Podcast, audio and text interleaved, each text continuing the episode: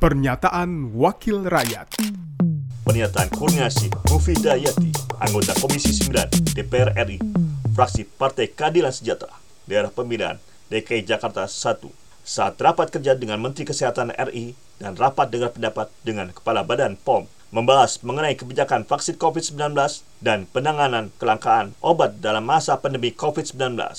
Pimpinan eh, mengingatkan kembali tentang besarnya piutang terhadap rumah sakit yang sampai dengan detik ini masih juga belum terselesaikan pembayarannya. Begitu juga dengan insentif-insentif.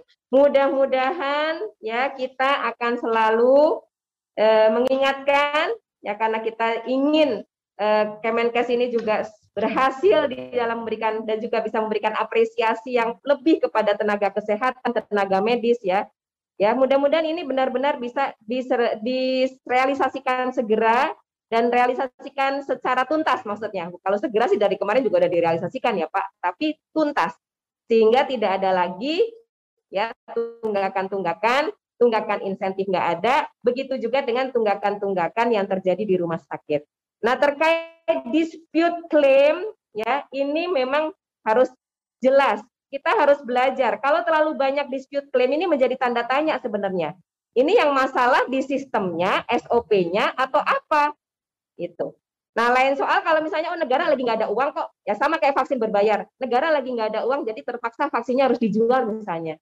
Yang ngomong aja secara jujur. Jadi kan kita kan juga bisa tahu kondisinya seperti apa.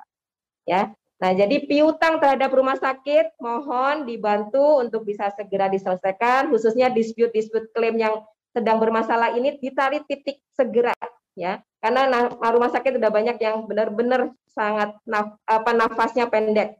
Begitu juga dengan insentif tenaga kesehatan mudah-mudahan bisa segera diselesaikan semuanya.